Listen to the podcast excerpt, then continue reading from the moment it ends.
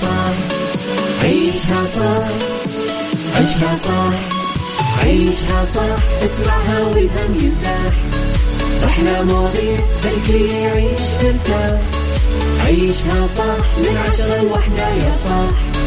بجمال وذوق تتلاقى كل الأرواح. فاشل واتيكيت يلا نعيشها صح بيوتي وديكور يلا نعيشها صح عيشها صح عيشها صح. على Mix FM يلا نعيشها صح. الآن عيشها صح على Mix FM. Mix FM هي كلها في ال mix. هي كلها في ال mix.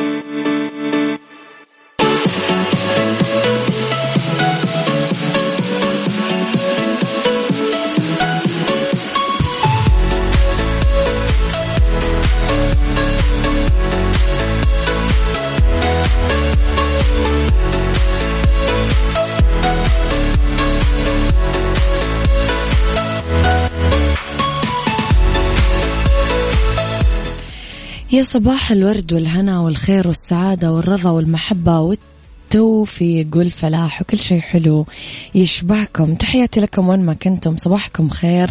من وين ما كنتم تسمعوني راح فيكم من ورا المايك وال control. أنا أميرة العباس حلقة جديدة وساعات جديدة ويوم جديد وصباح جديد ورب الخير لا يأتي إلا بالخير. أمر المؤمن دوما كله خير. خلي يقينك بالله كبير إنه كل شيء أسهل مما تعتقد.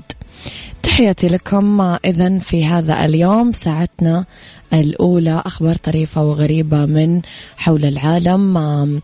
جديد الفن والفنانين آخر القرارات اللي صدرت. ساعتنا الثانية قضية رأي عام وضيوف مختصين. ساعتنا الثالثة صحة وجمال وديكور.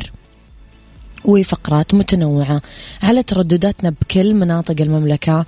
تسمعونا على رابط البث المباشر وعلى تطبيق Mix FM أندرويد و iOS تسمعونا.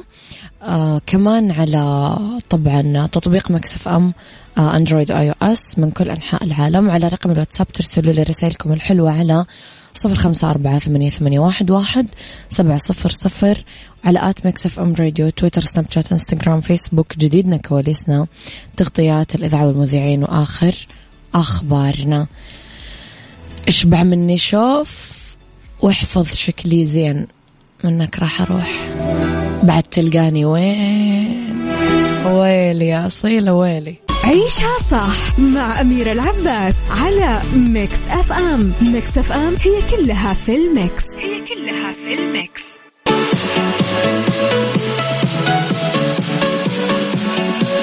تحياتي لكم مستمعينا مرة جديدة. ترددتنا في المملكة جدا 105.5 الرياض والشرقية 98 وأكيد ترددتنا في كل مناطق المملكة موجودة.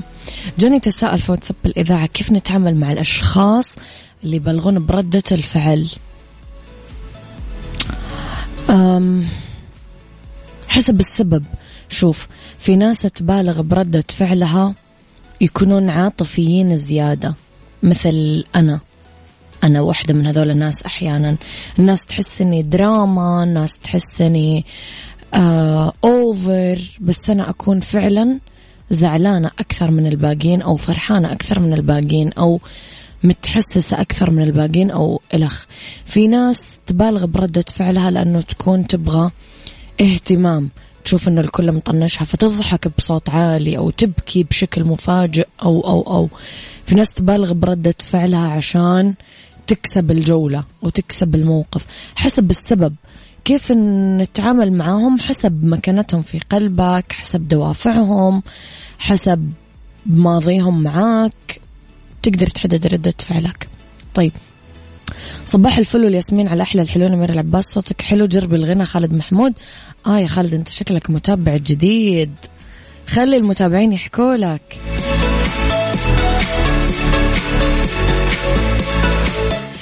لخبرنا الأول وأكد معالي وزير العدل الدكتور وليد بن محمد الصمعاني أنه مشروع الأحوال الشخصية اللي أعلن عنه سمو ولي العهد حفظه الله ضمن منظومة التشريعات المتخصصة اللي آه، يترقب صدوره يقوم على عدة أهداف من أهمها التركيز على الأسرة ابتداء حتى ما بعد الانفصال بتعزيز هذه الرابطة الأسرية متى أمكن تعزيزها باتفاق الأطراف وكمان تقليل سلبيات الانفصال.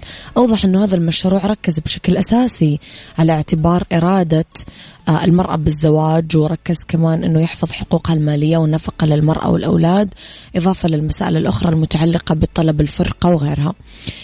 أكد أنه بتطبيق هذا التعديل انخفضت منازعات الأحوال الشخصية المتعلقة بالطلاق أو الخلع أو النفقة وغيرها لأكثر من 20% آملا أنه تنخفض بالمستقبل القريب.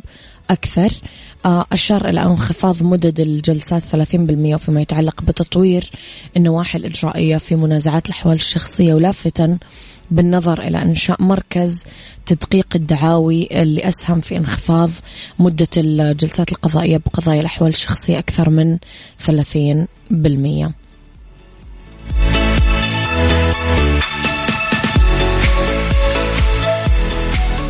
عيشها صح مع أميرة العباس على Mix FM. Mix FM هي كلها في ال Mix. هي كلها في ال Mix.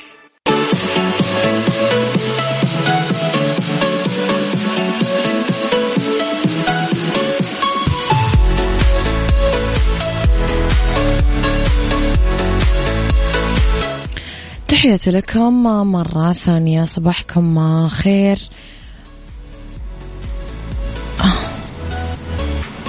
لا ما فهمت. إيش تبغى يا أبو عبد الملك والله؟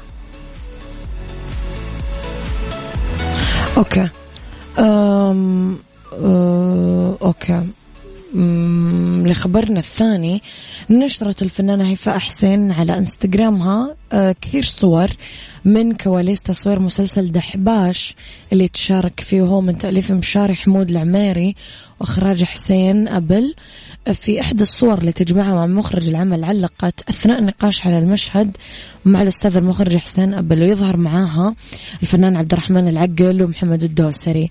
آه هيفاء طبعا فنانة بحرينية بدأت مشوارها الفني من خلال إحدى مسابقات الغناء اشتغلت بالمسرح فترة قبل ما تنتقل للتمثيل التلفزيوني من أعمالها طبعا أزهار مريم عيال الذيب القدر المحتوم خذوا خل طاش ما طاش دمعة عمر دولاب الزمن أسوار الساكنات في قلوبنا الهدامة وأعمال كثير ثانية. فنانة محترمة صراحة وأعمالها آه، مرتبة جدا.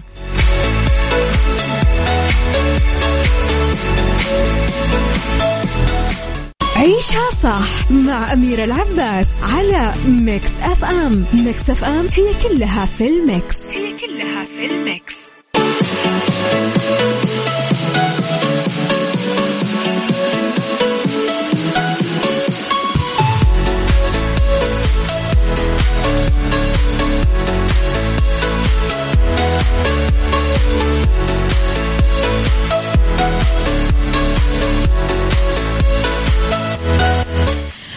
تحياتي لكم. الحاجة أم الاختراع واللي يعيشه اللبنانيين من ظروف اقتصادية صعبة.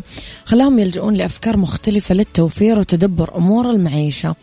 بشمال لبنان ما رفع الأستاذ رائد مرعب الشعار back to school فقط مع عودة المدارس. لا قرر يرجع لجذوره واختار أنه يمتطي فرسه ليذهب فيه لمقر عمله. ضجت مواقع التواصل الاجتماعي بلبنان بعد ما تداولوا عدة صور للمعلم اللي وصل لمدرسته الثانوية على ظهر حصان. مع بدء الأزمة وقف أستاذ الفيزياء في مدرسة ثانوية عياش الرسمية عن استخدام سيارته إلا بالطوارئ وقال لجأت إلى فرسي للتنقل في ظل الظروف الصعبة اللي نمر فيها لأنه شراء البنزين بسعر المرتفع يعتبر كارثة. من هنا أتنقل فيها لقضاء جميع مشاويري لكن كم يكلف علفها. قال بين ال 600 ألف ليرة يعني 38 دولار ومليون ليرة يعني 47 دولار شهريا مع العلم أنه أعرضها للبيع كون لم يعد باستطاعتي أنه أأكلها آه مثل أول الله يفرج همهم إن شاء الله يا رب. يعني شر البلية ما يضحك.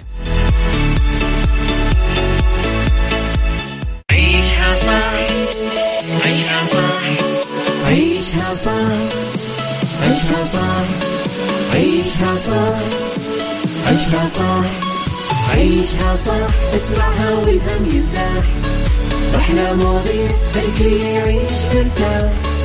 عيشها صح من عشرة لوحدة يا صاح. بجمال وذوق تتلاقى كل الأرواح. فاشل واتيكيت يلا نعيشها صح. بيوتي وديكور يلا نعيشها صح. عيشها صح عيشها صح. على Mix FM. يلا نعيشها صح. الآن عيشها صح على Mix FM. Mix FM هي كلها في ال Mix. هي كلها في ال Mix.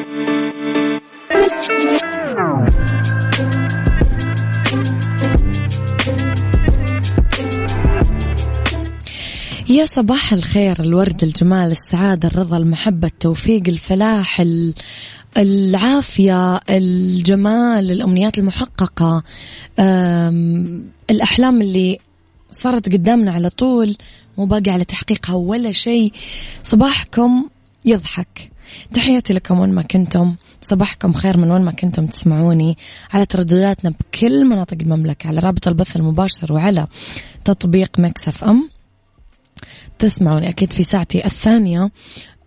اختلاف الرأي لا يفسد للود قضية لو الاختلاف الأذواق. طبعا لبارة السلع توضع مواضيعنا على الطاولة بالعيوب والمزايا بالسلبيات والإيجابيات بالسيئات والحسنات. تكونون أنتم الحكم الأول والأخير بالموضوع. وبنهاية الحلقة نحاول أننا نصل لحل العقدة ولمربط الفرس آه، موضوع حلقتي اليوم من هو حليفك الخفي؟ للنجاح كثير متطلبات شروط حاجات لأنه يحتاج للجد والمثابرة والمعرفة وغيرها كثير. وبعض الأحيان ممكن نحقق هذه المتطلبات وبمهارة ومع هذا يصير ونخفق. فما نعرف كيف نتلافى هذه النكسة ولا كيف نرجع ننهض. سؤالي كيف تقاوم الإحباط والملل؟ وهل تعتمد أسلوب للنجاح والمثابرة ولا لا؟ اكتب لي اسمك ورقم تليفونك وأنا أكيد راح أتصل عليكم عشان تشاركون معي في حلقة اليوم وتقولوا لي رأيكم في الموضوع. اكتب لي اسمك ورقم جوالك على صفر خمسة أربعة ثمانية, ثمانية واحد, واحد سبعة صفر صفر. صباح الخير لأحلى دنيا العبيدي صباح الهنا والسعادة يا رب. عيشها صح مع أميرة العباس على Mix FM. Mix FM هي كلها في ال Mix. هي كلها في ال Mix.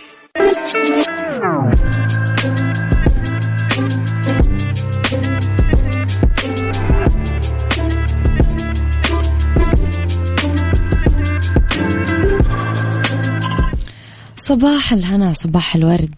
تحياتي لكم مستمعينا. سألنا سؤال آه، كيف تقاوم الإحباط والملل؟ وهل تعتمد أسلوب للنجاح والمثابرة؟ خلينا نقول أنه هذا ما يسمى بالإحباط.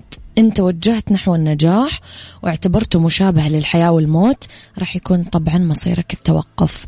لازم تكون مرن متقبل متوقع كل النتائج.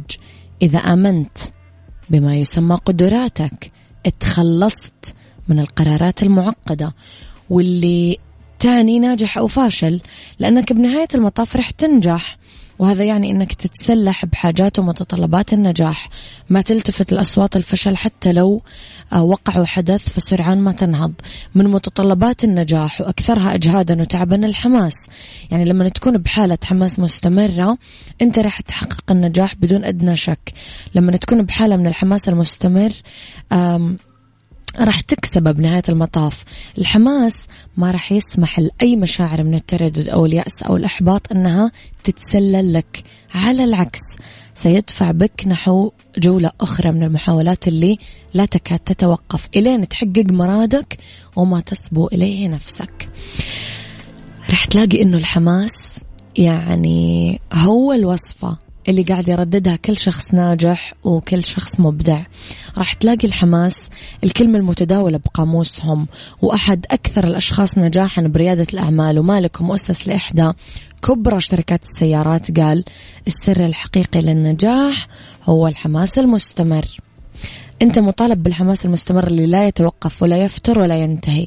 إذا كنت ترنو لتحقيق التفوق والنجاح فالحماس سلاحك بدون الحماس بتوقف عند أول صعوبة وأول تحدي عند أول محطة من محطات اليأس والإحباط. لازم يكون الحماس حليفك الخفي.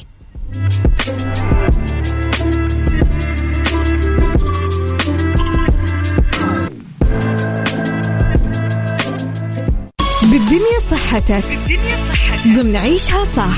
برعاية مجموعة أندلسية العربية للخدمات الطبية. على Mix FM. Mix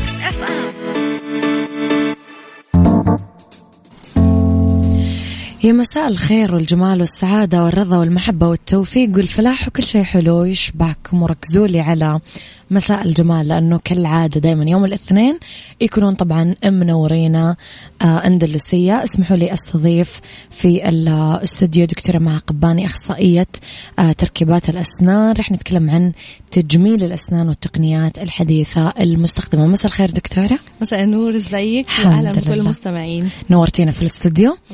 آه، دكتورة الابتسامة يمكن تخلي الشخص أحيانا يدخل قلبنا ناخذ انطباع أنه هذا الشخص مثلا نظيف أو يعتني بنفسه أو يهتم بصحته من شكل الأسنان متى أقدر أقول أنه أسناننا تحتاج تجميل آه أي إنسان ايا كانت المشكلة اللي عنده في اسنانه سواء صغيرة أو كبيرة لو بيقف قدام المراية وأول حاجة عينه بتقع عليها إنه في حاجة مضايقاه في اسنانه. ساعتها نقول إن هو محتاج لتجميل الأسنان بيروح للدكتور. أوقات كتير بيجي مرضى بديهم المراية أول حاجة أول ما يقعدوا أقول له إيه اللي مضايقك أكتر حاجة في سنك في اسنانك مم. وبنبدأ نتناقش مع بعض في المشكلة اللي, اللي مضايقاه. أوقات كتير برضو patients بيجوا عايزين يعملوا smile makeover أو عايزين يغيروا اسنانهم كلهم ويعملوا veneers بس في الآخر مع الاقتناع وال- والنقاش بنوصل لمرحلة إن إحنا ممكن ب touch صغيرة أو لمسات خفيفة جدا وسن واحد حتى. ممكن نعدل في شكله يغير totally في الابتسامة. آم، دكتورة هل ممكن يكون التقويم بديل لل Hollywood smile أو ال veneers أو العدسات أو غيره أنا في رأيي التقويم آه، جزء لا يتجزأ من التجميل عموما مم. okay وحتى لما بيجي مريض عنده تباعد آه، بين أسنانه بين أسنانه. أو تزاحم أو تقدم في الأسنان. ال option أو الاختيار الأول آه، اللي بقوله له هو التقويم لأنه في تحفظ مفيش برد للأسنان آه لكن أوقات لو الأسنان فيها تصبغ لو الأسنان مثلا آه آه مثلا لفة شكلها أو شكلها مش عاجب المريض مم. ساعتها التقويم مش هيحلها لي الناس برضو اللي بتخاف إن هي تبقى committed أو مرتبطة ب long term treatment plan أو خطة علاجية طويلة المدى. آه، ساعتها التقويم مش هيسعفهم ساعتها طبعا هيلجأوا للتجميل آه، من يعني من خلال الحشوات التجميلية أو ال smile makeovers وال veneers. وال crowns والكلام ده دكتور نشوف كثير إعلانات تجارية خلينا نقول لمواد ومعاجين أسنان خاصة بتبييض الأسنان. إيش رأيك فيها؟ وبناء على إيش إحنا لازم نختار؟ طيب يعني معظم مش هقول كل لكن معظم المعاجين الأسنان اللي فيها abrasives أو فيها مواد بتفرك سطح السن علشان تنظف الصبغة من عليه. دي نتجنبها تماما لأن هي اللي بيحصل إن هي بتفرك أو بتبرد الطبقة الخارجية اللي هي ال enamel أو طبقة المينا. اللي هي بتبقى حافظالي العصب بتاع السن فيما بعد جوه فالطبقة دي لو اتبردت واتشالت من على السن المريض هيبدأ يحس بتحسس مع البارد مع ال- يعني هيبدأ يحس بألم مع الهواء even ساعات بيجوا مرضى متضايقين من أنا. من دول الناس الهواء فعلا آه، بيألم يعني ما. غير محتمل. طيب دكتورة بالنسبة للصقات في لصقات لبعض الماركات التجارية العالمية يعني ده يعتبر نوع من التبييض المنزلي وده آه، قوالب أو لصقات. ده ده نوع من التبييض المنزلي آه، وده يعني آه، أحسن من إلى حد ما مفعوله كويس ولكن ربع مفعول التبييض العيادة مم. لأنه هو بيعتبر زي مينتننس أو محافظة على تبييض العيادة. يعني المريض لما بيجي يعمل تبييض في العيادة آه، بيفتح مثلا درجتين ثلاثة من لون الأسنان وبيضيع الاصفرار الصبغات ال- الخارجية من الشاي والقهوة والأكل. آه وبعد كده بنديله بننصحه إن هو ياخد تبييض منزلي بعد فترة كمينتننس أو يعني حفاظ على اللون آه. طيب بس أحسن يعني دكتورة خلينا نقول إنه الحل الأول والحل الجذري وخيارنا الأول زيارة طبيب الأسنان. طبعا. وهو ممكن يوجهنا إيش النوع المناسب لينا أحسن ما نختار بعشوائية. آه زي ما زي ما قلت لحضرتك هو في أوقات كتير المريض بيبقى جاي بحاجات سامع مثلا من إعلان سامع من صحابه أو كده أو حتى هي جوجلت يعني على النت. وبعدين بيجي لا الموضوع لا مش كده انت سنانك مش محتاجة كل ده بتاتش زي ما قلت لك حاجات بسيطة أو إن إحنا بنوجهه صح. دكتورة أحيانا آه، في جزء من السن ينكسر بسبب مثلا أكل بطريقة غلط أحد خبط في حاجة إلى آخره من الأسباب. هل هنا يحتاج تلبيسة ولا في طريقه ثانية ممكن يتعالج فيها السن؟ إحنا دلوقتي الاتجاه في طب الأسنان للتحفظ زي ما قلت لك. في عندنا ال minimal invasive technique اللي إحنا إزاي ان إحنا نعالج السن بأقل اهدار للسن الطبيعي. حلو. تمام؟ أنا بيجي patients بيبقى بقى لهم مثلا 15 20 سنة آه عاملين crowns ولما أو تلبيسات ولما بسأله إيه اللي حصل بيقول لي أنا وقعت وحتة صغيرة وقعت كسرت من السن. والمري... والدكتور برد لي الأسنان لأنه زمان ما كانش فيه ال techniques أو التقنيات اللي بقت موجودة دلوقتي. لكن دلوقتي مثلا عندي كسر صغير يبقى أحله بإن أنا أكمله بحشوة تجميلية آه ما تبانش ابدا وما تفرقهاش كأنها بازل وبتكمل. ما فيش أي داعي إن أنا أبرد السنان زيادة عن اللزوم. المشكلة أعالجها على القد. نيجي دكتورة ل يعني مشكلة خلينا أقول أغلب الناس مع دكاترة الأسنان موضوع العصب. هل تحتاج آه الأسنان دايما لتلبيسة بعد ما نعالج العصب؟ الموضوع حساس هذا. أغلب الناس بتخاف منه. طيب علشان أقدر أقول السن محتاج تلبيسه بعد العصب أو لأ في كذا عامل ببص له كطبيب أسنان ببص له. رقم واحد موقع السن ده في الفم فين؟ لأنه في لودز أو حمول نازلة على الأسنان لما باجي امضغ مثلا الأكل أو كده فالأسنان اللي ورا دي ممكن ما تتحملش بعد م. العصب وبالتالي السن يتكسر. الحاجة الثانية متبقي قد إيه من السن الطبيعي؟ يعني بعد ما الدكتور نظف العصب وشال التسوس متبقي قد إيه من السن؟ وعلى أساس ده أقدر أجزم. الحاجة الثالثه شكله بعد العصب. أوقات كتير السن لونه بيتغير بعد العصب. فإذا سن أمامي هيبقى مش مماثل هيبقى لونه متغير مقابل للأسنان المجاورة فهتبقى ابتسامة المريض مزعجة بالنسبة له. فساعتها هنفضل إن إحنا نغطيه طبعا. طيب دكتورة طلعت كثير آه، أسماء للتلبيسات منها أسماء طبية ومنها أسماء يعني تجارية بيستخدموها في الإعلانات أو في الترويج لعيادات أو أطباء معينين. بإيش أنواع التلبيسات طبيا دكتورة هو اللي أنتم بتلجؤوا لها؟ ما شاء الله هو دلوقتي ال patients أو المرضى عموما والمراجعين بقى عندهم خلفية ما شاء الله هايلة هايلة جدا. social media بالظبط. فإحنا لو صنفنا أو قسمنا انواع التلبيسات إحنا كل ال patients أو كل اللي بيسمعونا دلوقتي هيلاقوهم عارفين إنه هو زيركون وال PFM أو اللي هو البورسلين وال Emax والكلام ده كله. بس خليني أصنفها بطريقة مختلفة عشان تبقى حاجة جديدة للمستمعين. okay. إحنا ممكن نصنف ال crowns عندنا لتلبيسة كاملة full crown وال endocrown اللي هي تلبيسة العصب. م. إيه هي؟ إيه الفرق؟ إحنا المعروف إنه التلبيسة العادية بنبرد السن داير داير وبعدين بنلبسه كامل. لكن بالنسبة لل endocrown لا إحنا بنشوف اللي متبقي من السن قد إيه زي ما قلت لك إحنا الاتجاه للتحفظ. بنلاقي السن متبقي منه قد إيه وبنعمل تلبيسة ال endocrown شكلها زي المشروم بالظبط. بتسقط جوه السن بتاخد ال support أو الدعم بتاعها من داخل السن وبتغطي السن من بره وبكده نحافظ على السن المتبقي من السن نفسه بعد علاج العصب وبعد تنظيف التسوس يعني. طيب دكتور كمان خلينا نتكلم شوية عن مسمى شوية جديد اللي هو حشوات السيراميك. إحنا يمكن ما أعرف صححي لي دكتورة لو أنا غلطانة كان في الحشوات القديمة اللي لونها شوية silver مثلا. أعتقد بطلوا يعملوها الدكاترة الحين وقفوها. صار في حشوات بيضة. هي هذه حشوات السيراميك؟ لا الحشوات السيراميك مختلفة شوية. الحشوات okay. الحشوات البيضة هي حشوات ال composite أو الحشوات الضوئية. دي مادة بنحطها في السن بعد ما ننظف التسوس وبعدين بننشفها بالضوء. يحصل لها activation بالضوء. تمام؟ طيب لو أنا دلوقتي الفكرة كلها إن أنا لو عندي التسوس يعني أصاب كذا سطح من السن الحشوه هتبقى كبيرة. ساعتها ال composite مش هيبقى اختيار علاجي موفق للحالات دي.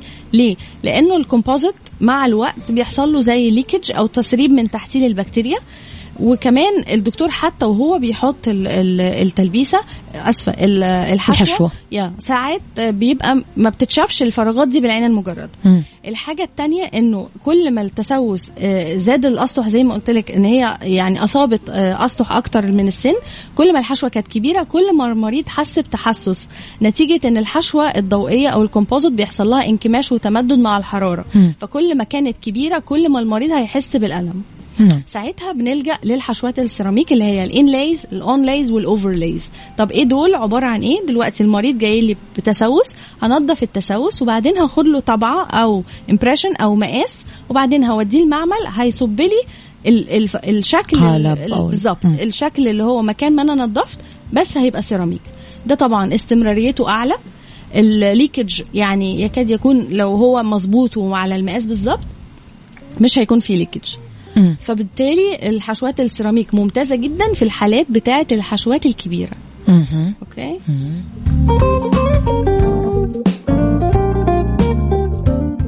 بالدنيا صحتك. بالدنيا صحتك. ضمن عيشها صح.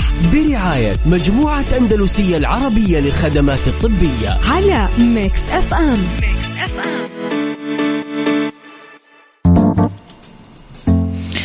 تحياتي لكم. تحياتي أيضا لك دكتورة مع قباني مجددا. دكتورة تكلمنا قبل شوي عن حشوات السيراميك وذكرتي إحدى الفروقات بينها وبين الحشوات العادية أنه هي مناسبة جدا ل آه، الحشوات الحشوات الكبيرة. هل في فروق ثانية ممكن نذكرها؟ أجدد تعتبر أحدث هي تعتبر أحدث زي ما قلت لحضرتك إن هي أحدث وإن هي الثبات والاستمرارية بتاعتها أعلى من الحشوات الكومبوزيت في الحالات بتاعت لما تبقى التسوس واخد جزء كبير من السن. okay. دكتورة سمعنا كمان عن مسمى طبي في جديد في الأسنان يعني آه، المقاسات الرقمية لو ممكن تعرفين على الموضوع. طيب المقاسات الرقمية بكل بساطة هي كاميرا متوصلة بكمبيوتر أنا دلوقتي حضرت السن بتاع المريض.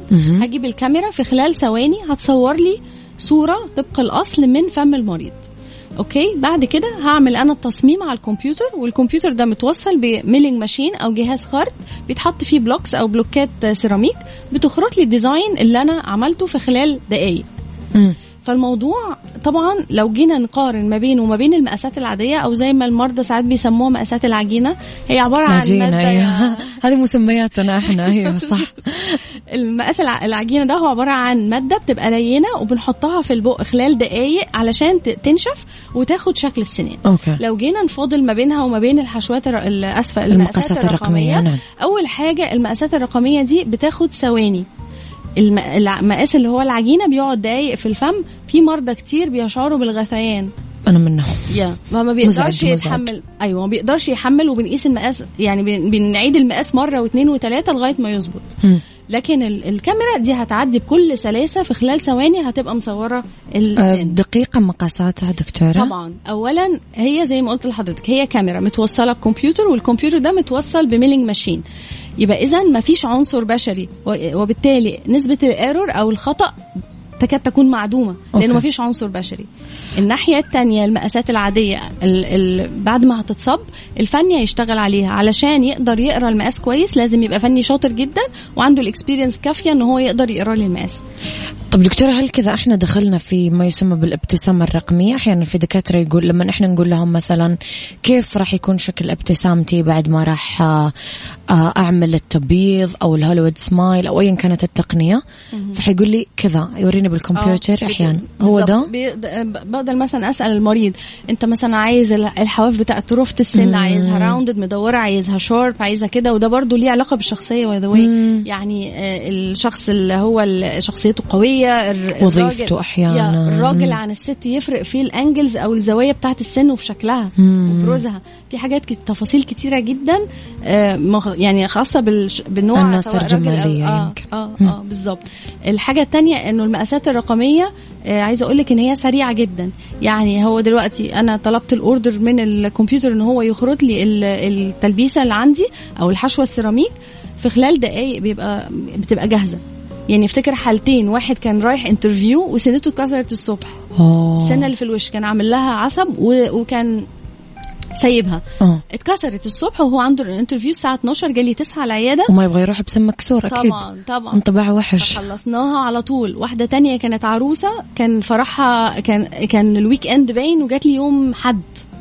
آه. الأربع أسنان الأمامية ما كانش عندها وقت فجت سمعت عن قصة ال digital scanning أو المقاسات الرقمية والجهاز ال CAD/CAM وكده فجت قالت لي دكتوره نقدر هنلحق؟ قلت لها إن شاء الله هنلحق and we did يعني الحمد لله we made it يعني وكانت حلوة جدا.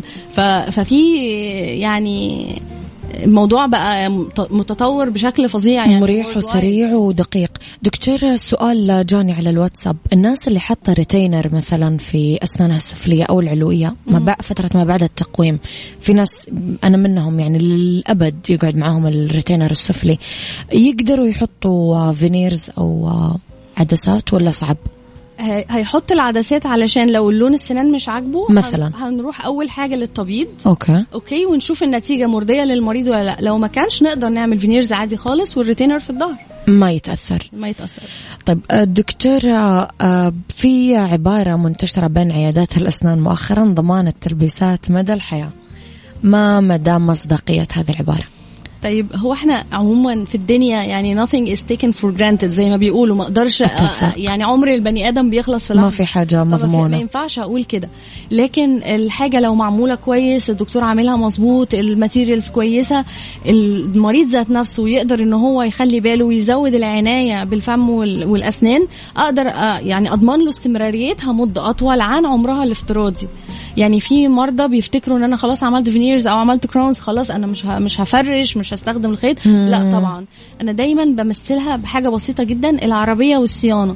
هي عربيتك مش لازم تبقى باظت عشان توديها الصيانة. حقيقي. انت بتروحي تطمني عليها إن everything is fine وإن هي ما فيهاش حاجة باظت. عشان ما توصلي لمراحل وحشة بالضبط. فعلا ما تقدري هي ده تتداركيها المثل اللي أنا دايما بقوله للمريض. عربيتك مش لازم تبوظ عشان توديها للصيانة. نفس الموضوع. أنت عملت veneers عملت crowns محتاجة متابعة. حتى اسنانك في العادي لو مش عامل فيها حاجة محتاجة متابعة لأنه التسوس ممكن في شهور يتكون الجير في شهور ممكن يتكون. يبقى اذا ال follow up أو ال check up ده أمر مفروغ منه علشان أقدر أحافظ على اسناني أكتر أو لو عاملة فيها حاجة أضمن استمراريتها أطول. دكتورة أبغى أسألك آخر سؤال. آه أنا لاحظت كثير من ال cases اللي أنا شخصيا أعرفهم عندهم مشكلة واحدة. آه مؤخرا مع كثرة أسماء العيادات آه كثرة الدكاترة الإعلانات اللي هي تعطيك أسعار جدا جدا جدا رخيصة والناس تستسهل ووقت جدا سريع أحيانا. يعني يدخل الواحد ويطلع وهو خلاص عامل veneers وبسعر يعني ما أعرف ما أعرف كيف عملوا له ال veneers بهذه الأسعار. آه، ألاحظ نفس المشكلة. ما اختار دكتور صح. ما اختار عيادة صح. هذا هو سؤالي. كيف أقدر أختار؟ طب لأنه وفعلا دكتورة يدخلوا في مراحل من العلاج تستمر سنين. هذه بالنسبة للناس اللي أعرفهم. دخلوا في متاهات بس عشان استرخص له يعني شوية في سعر. آه، أو أختار دكتور غلط ما عنده أمانة. كيف أختار طبيب؟ صح فعلا أسلمه نفسي وأنا ما أطمن. ده أكتر سؤال يمكن الناس اللي فعلا تخاف على نفسها حتسألك إياه. زي ما حضرتك قلتي موضوع الاستخصاص استرخاص، أيوه. بالظبط دي رقم مصيبة. واحد. رقم اتنين آه، أسأل. يعني أنا مثلا ممكن يجي لي مريض بعديها يجيب مثلا والدته معاه. آه، يعني بيبقى آه، اولا بيشوف المؤهلات بتاعة الدكتور بيسأل عنه بيروح فيزت أولانية خالص بس يشوف يتكلم معاه يتعرف. يعرف الدنيا ويشوف بالمنطق الكلام ماشي إزاي. يعني فاهماني إزاي؟ يعني في حاجات صح. بالمنطق هتقدر يعني بالم... بالمنطق خالص. أنا أسناني سليمة. اللي يخليه أبرد كل اسناني. يعني فاهمة إزاي؟ تصبغ لما أجي أقول له اعمل تبييض منطقي. اعمل. تبييض حاجة كونزرفتيف حاجة فيها تحفظ ما فيهاش اهدار للسن ولا أنا بردت الأسنان على الفاضي. فأمشي معاه واحدة واحدة وأشوف. كمان إن أنا إيه زي ما قلت لحضرتك هو بيبقى مثلا المريض جاي لي بعد كده جاب آه، صاحبه والدته أخته مراته وهكذا. فهي بتبقى ان أنا سمعت عن الدكتور ده كويس حد عمل عنده شغل كويس مش ان أنا اجري ورا الاسعار لأن الاسعار دي طبعا هي ابيلينج للناس جدا وبيدوروا على الأسعار الرخيصة لكن بعد كده بيدفعوا أضعافها في علاج اللي اتعمل. آه للأسف أيوة مؤخرا آه، هذه مشكلة أغلب الناس. دكتورة أنا مبسوطة بالحوار معك جدا نورتي حلقتنا اليوم. يعطيكي ألف عافية. كانت حلقة خفيفة لطيفة. ولنا لقاءات قادمة أكيد. تسلمي وشكرا ليك يعطيك ألف عافية. إذن. دكتورة مها قباني أخصائية تركيبات الأسنان أكيد من آه، آه، مركز وعيادات أندلسية. تكلمنا اليوم عن تجميل الأسنان والتقنيات الحديثة المستخدمة. اللي فاتوا الحلقة تقدرون تسمعونها على تطبيق MixFM Android و iOS.